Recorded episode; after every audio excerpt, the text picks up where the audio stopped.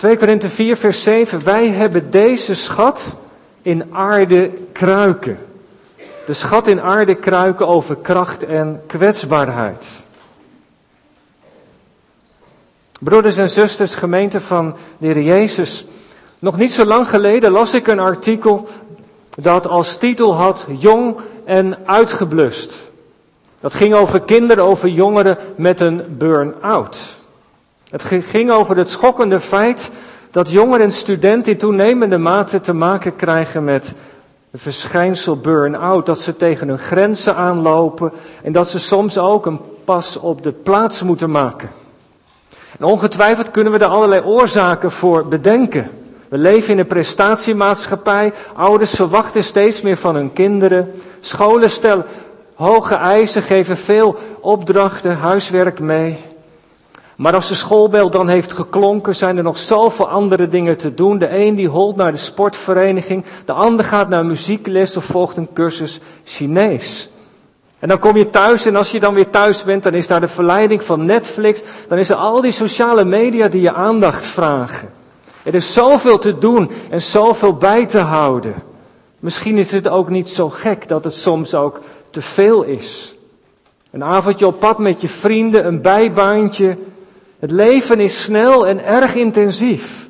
Je kent maar weinig momenten van rust en dan kan het zomaar gebeuren dat het even niet meer gaat. En heb je natuurlijk ook nog een keer de invloed van de sociale media. De foto's die je post, die moeten er natuurlijk wel geweldig mooi uitzien. En iedereen toont zich van zijn of haar beste, mooiste kant. En nog gaandeweg wordt de druk hoger en ligt de lat steeds verder bij je vandaan. En dan kun je soms niet meekomen of je hebt niet zulke mooie foto's. En dan voel je eenzaam en dan kun je gaan twijfelen. Niet zo lang geleden plaatste een, meisje op Twitter een bericht dat ze zich eenzaam voelde. Ze had de moed om dat op sociale media zomaar te delen. En een stroom van reacties kwam er toen los. Goed dat je dit zegt. Mensen die ook soortgelijke situaties meemaakten. Je moet maar de moed hebben om je zo in sociale media zo kwetsbaar op te stellen. Zo gemakkelijk kunnen mensen natuurlijk over je gevoelens heen lopen en je pijn doen. Maar laten we vanavond gewoon maar eens eerlijk zijn. Wij zijn toch allemaal wel kwetsbare mensen, of niet? Lang niet alles in ons leven gaat goed of voorspoedig. En soms lukt het niet om zoveel ballen in de lucht te houden. Misschien herken je dat wel. En waarom zou je dat eigenlijk moeten doen? Van wie moet dat? Zijn we met elkaar niet gewoon veel te druk? En waarom kost het vaak zoveel moeite om ook in de kring van de gemeente kwetsbaar te zijn, te zeggen, joh, het gaat even niet, ik heb gebed nodig of iets dergelijks. Wat vraagt God van ons in dit alles? Vanavond horen wij de apostel Paulus tegen ons zeggen, lieve mensen, het is niet erg om kwetsbaar te zijn. En waarom dan niet? Nou, dat zegt hij ook, omdat er dan in ons leven meer ruimte is voor de kracht van God. Kwetsbaar zijn betekent dat je afhankelijk bent van iemand anders. Als Paulus dat zegt, is dat niet zomaar een statement van, van een apostel die achter zijn bureau zit en dat zomaar op papier toevertrouwt. Het is van hem een persoonlijke worsteling geweest. Hij was namelijk, zo hebben we gelezen, door God geroepen om het evangelie te verkondigen. Het goede nieuws over de persoon van Jezus. Dat was zijn passie, daar ging hij helemaal voor. God had de liefde van Jezus in zijn hart uitgestort. We weten, hij had de gemeente eerst vervolgd. Toen was er een ontmoeting van Je met Jezus die zijn leven radicaal veranderde. En hij is op pad gegaan met een enorme gedrevenheid. Zo kennen we de apostel. Hij had een geweldige schat ontvangen. En daar wilde hij iedereen over vertellen. Maar het was geen gemakkelijke weg. Achter Jezus aangaan betekende niet dat alles op rolletjes zou lopen, dat het makkelijk zou gaan. De apostel kreeg met gebrokenheid, kwetsbaarheid in zijn eigen leven te maken. Als was hij een aardekraak. En het woord dat de apostel hier in 2 Korinthe 4 gebruikt, is een woord uit de archeologie, ostrakon, potscherf. Archeologen vinden dat soms in de grond. Allerlei resten van vorige beschavingen. Op sommige plek vinden ze dan van die kruiken die allemaal in scherf uiteen zijn gevallen. Die plakken ze bij elkaar. In een museum vind je soms van die vazen die weer in elkaar zijn gezet. Paulus zegt tegen de mensen daar in Korinthe, ik ben zo'n aardekruik. Ik ben zo'n vaas die in elkaar gelijmd is. Dat is het beeld dat hij gebruikt. We hebben deze schat in een aardekruik. En nu ga ik twee dingen zeggen over die tekst. Eerst iets over die kruik en dan iets over die schat. Een kruik van aardewerk. Als je het Bijbelgedeelte goed leest, dan wordt gelijk wel duidelijk waar Paulus het over heeft als hij denkt aan een kruik. Dan heeft hij het over zijn eigen fysieke lichaam. Dat woordje lichaam komt trouwens een paar keer terug in, vers, eh, in, in dit hoofdstuk al. Eh, het woord dat gebruikt wordt, hij heeft het over zijn uiterlijke mens die vervalt. Het gaat over je lichaam, over ouder worden, kwetsbaarheid. Maar hij gebruikt ook een ander beeld van een tent. Deze tent wordt afgebroken. Vakantieplaatje, een tent staat op, maar als je naar een andere plek gaat, dan moet je de tentharingen eruit, touwen oprollen, de tent opruimen. Dat is het beeld dat hij ook gebruikt. Een, een in elkaar gelijmde vaas en een tent die wordt opgerold. Dat is zijn lichaam. Paulus ondervaart, ervaart in zijn eigen leven dat dus die gebrokenheid in zijn eigen lichaam. Hij ondergaat de kwetsbaarheid. Zijn lichaam heeft het op dat moment dat hij schrijft zwaar te verduren. En hoe dat dan kwam? Nou, de apostel Paulus had veel tegenstanders gehad. Er waren leraars gekomen, ook in Korinthe, die de boodschap die hij bracht verdraaiden. Ze legden andere accenten en ze bekritiseerden de apostel bij afwezigheid. Paulus heeft eigenlijk waar hij ook kwam voortdurend gedoe gehad. Soms fysieke bedreiging, woorden kunnen heel veel pijn doen, misschien weet je dat wel. Hij is zelfs mishandeld, gestenigd, gevangen gezet. Dan moest hij weer vluchten, dan was hij onderweg, onregelmatig eten, slecht slapen, veel zorgen. Zijn lichaam heeft het zwaar te verduren gehad. De dienst aan Jezus heeft een zwaarder tol geëist. En misschien gingen de jaren ook wel tellen. De ouderdom komt immers met gebreken. Ik ben zo'n aardevat. Een vaas waar scheuren en barsten in zitten. En Paulus wist trouwens dat dat erbij zou horen. God had tegen hem gezegd: Jij bent voor mij een uitverkoren vaas. Een uitverkoren vat. Maar hij had er ook iets aan toegevoegd. Ik zal je ook tonen hoeveel je zult gaan lijden. Nou, dat heeft de apostel geweten. Terwille van de naam van Jezus is hij vervolgd en neergeworpen. En als hij dan zegt, wij dragen het sterven van Jezus in ons mee, dan bedoelt hij in zijn eigen lichaam die afbraak die hij zelf ervaart. De littekens, de verwondingen, de ontberingen hebben diepe lijnen gegroefd in zijn leven. Dat kan dus zomaar gebeuren. Als je gelooft, als je God dient. Het kan natuurlijk zijn dat je hier vanavond zit en dat je daar helemaal niets van herkent. Je bent jong, je leven gaat voorspoedig. En die zorgen, die fysieke afbraak, die moeilijke dingen, die ervaar je niet zo. Maar vanavond zou Paulus ons uitnodigen. Kijk dan eens even om je heen naar iemand in je vriendengroep, je medestudent, iemand die naast je zit in de bank. Er zijn zoveel jongeren en ouderen onder ons die daar alles van weten. Jonge levens die al zo getekend zijn door gemis. Die lege plek aan tafel. Ziekte waar, geen, waar een arts niet zomaar een antwoord op weet. Zorgen die er zijn. Lege aarde kruiken. Dat herkennen we toch wel? Of niet? En weet u wat nou zo moeilijk is soms? Weet je wat zo lastig is? Dat er heel veel mensen om je heen zich geen zorgen lijken te maken. De foto's op sociale media laten altijd blauwe lucht en zonneschijn zien. De selfies, die zijn prachtig. En soms schuurt dat en je denkt, klopt dat allemaal wel? Is het geen schijnwereld? De reclame, de media, mooie mensen zien er gaaf uit in de kracht van hun leven. Maar ja, mijn leven, mijn lichaam ziet er niet zo mooi uit. Kan ik niet aan tippen. En weet je, Die worsteling daarmee heeft Paulus ook gehad als hij deze brief schrijft. Hij is namelijk in debat met andere leraars daar in Korinthe. En die mensen die daar ook in de gemeente waren gekomen, waren helemaal gestempeld door de Griekse cultuur. Door de idealen van de Griekse cultuur. Want de Grieken, misschien weet je dat nog wel van school, vonden wel sprekendheid belangrijk, een goede presentatie. Men vereerde het lichaam en de schoonheid. Alles wat zwak en gebrekkig was, dat werd veracht, dat was iets voor de slaven. Denk even aan een museum waar je misschien afgelopen zomer was. Misschien stonden daar wel van die oude vazen uit de Griekse oudheid. En heb je wel eens zo'n vaas goed bekeken? Op die vaas staan allemaal afbeeldingen van, van mooie mensen in atletische gestalte. Naakt afgebeeld, stralenkrans om hun hoofd, ze zien er schitterend uit.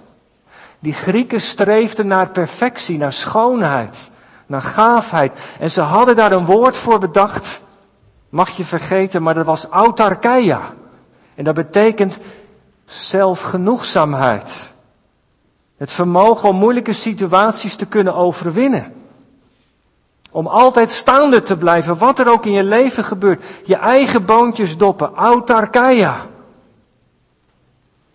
Nee, zegt Paulus, dat is niet reëel. Zo is het, zit het leven niet in elkaar. En als je Jezus volgt, is dat niet het ideaal wat je voor ogen hebt. Hij plaatste daar tegenover een ander woordje, asteneia, en dat betekent zwakte, zwakheid. En dat is een woord dat vaak in de brieven van Paulus tegenkomt. Hij zegt, het is niet autarkeia, je moet niet zo naar de mens kijken dat hij schoon en gaaf en op een voetstuk staat. Maar dat is niet het leven waar wij mee te maken hebben. Als je Jezus volgt, en trouwens ook als je Jezus niet volgt, dan kun je zomaar met gebrokenheid te maken hebben. Dan is er zo vaak asternije zwakheid. En eigenlijk is dat een kenmerk van iemand die Jezus volgt. Gods kracht wordt in zwakheid volbracht. Wij zijn aardevaten. Nou is dat natuurlijk niet een, een, een mooie of een vrolijke boodschap. Wij worden niet graag aan onze kwetsbaarheid herinnerd, denk ik. Wie kwetsbaar is, heeft het vandaag de dag moeilijk. Daarom hebben we zo vaak ook van die mooie maskers waar ons, waarachter we ons verschuilen. In de samenleving zijn mensen die afhankelijk zijn. Ja, die hebben het vaak zwaar. Wordt gekort op de voorzieningen. Mensen die niet mee kunnen komen raken makkelijk op een zijspoor. Zwakheid is nou niet echt een positieve eigenschap, hoewel jezelf zijn en authentiek zijn wel belangrijk is, is zwakheid vaak niet positief.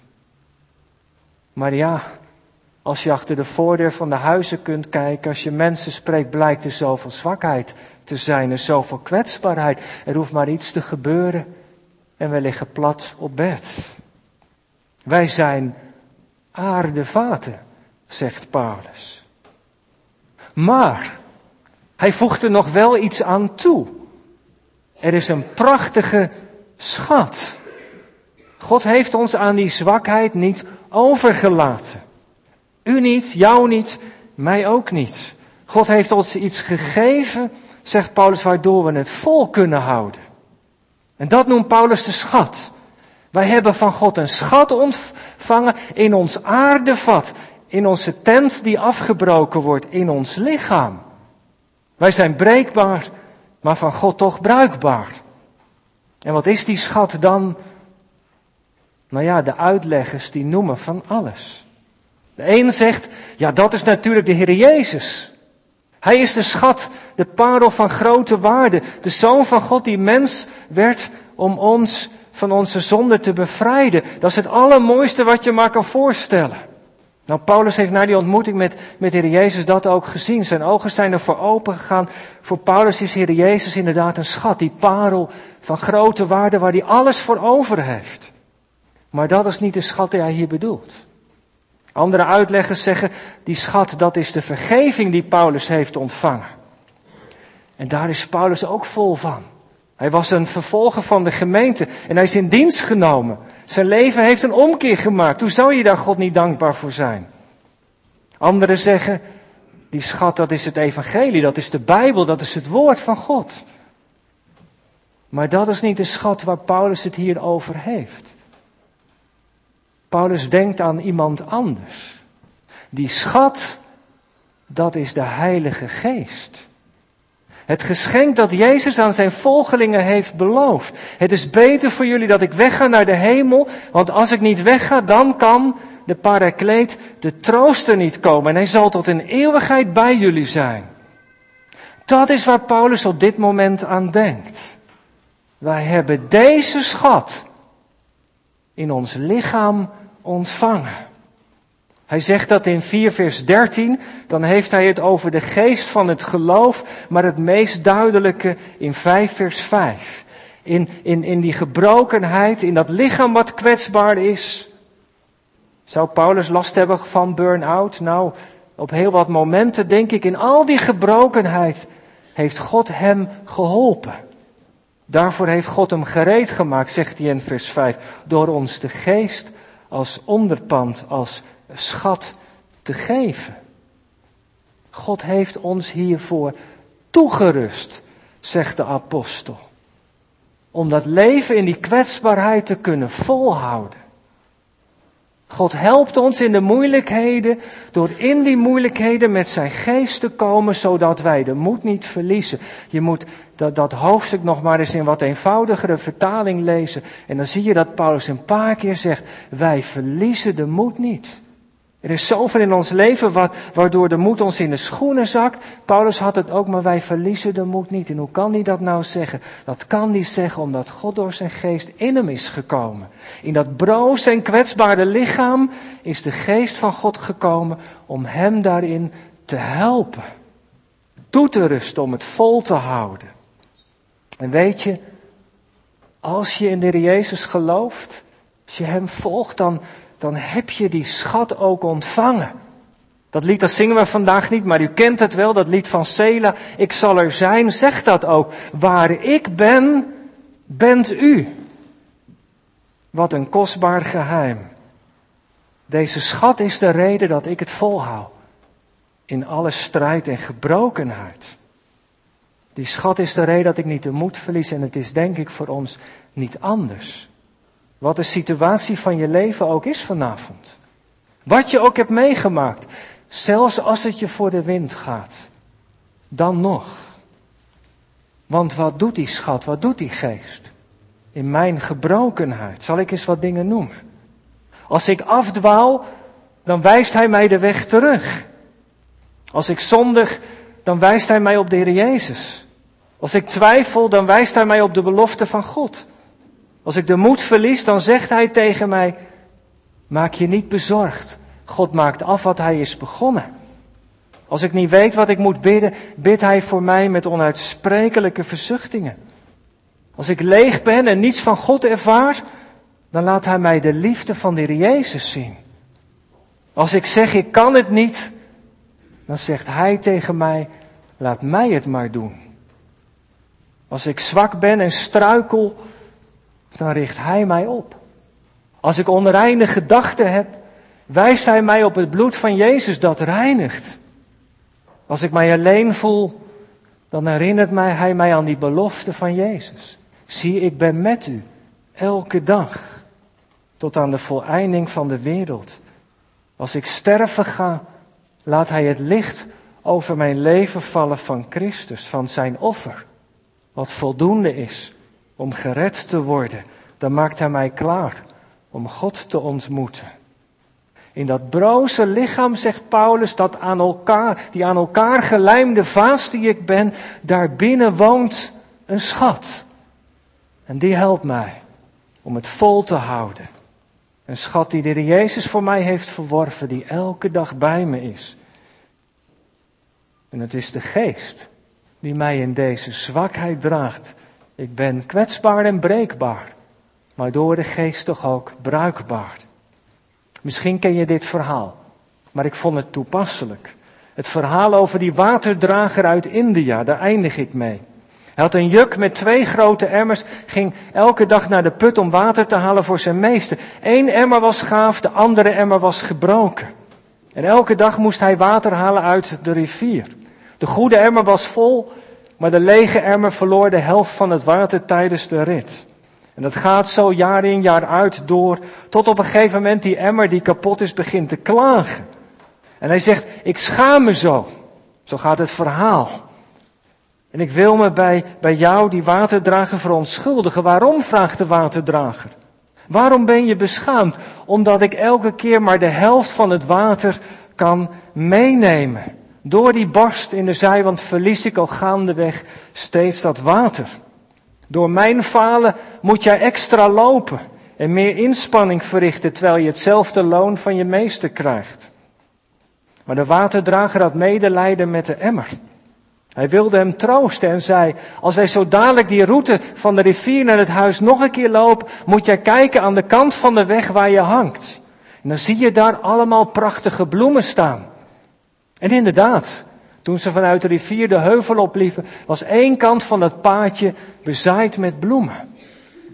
En dat bracht hem toch een beetje troost. En toen zei de waterdrager, keek naar de emmer en zei, heb je dan niet gezien dat die bloemen alleen maar bloeien aan de kant van de weg waar jij hangt? Ik wist dat je een beetje lekte, daarom heb ik daar zaadjes uitgestrooid. En elke keer dat je er langs kwam, is door dat water dat zaadje gaan ontkiemen. En zo heb ik prachtige bloemen kunnen plukken voor de tafel van mijn meester. Dat is eigenlijk het geheim. Wij hebben de schat in aardevaten. Wij zijn vaten die lekken. Emmers die gebarsten zijn. Maar door die aanwezigheid van de geest maakt God dat wij tot zegen kunnen zijn. Kwetsbaarheid is iets wat God kan gebruiken. Wij hebben deze schat in aardevaten, omdat de kracht en de eer voor God zou zijn. Snap je nou waarom Paulus kan zeggen, daarom verlies ik de moed niet. Amen.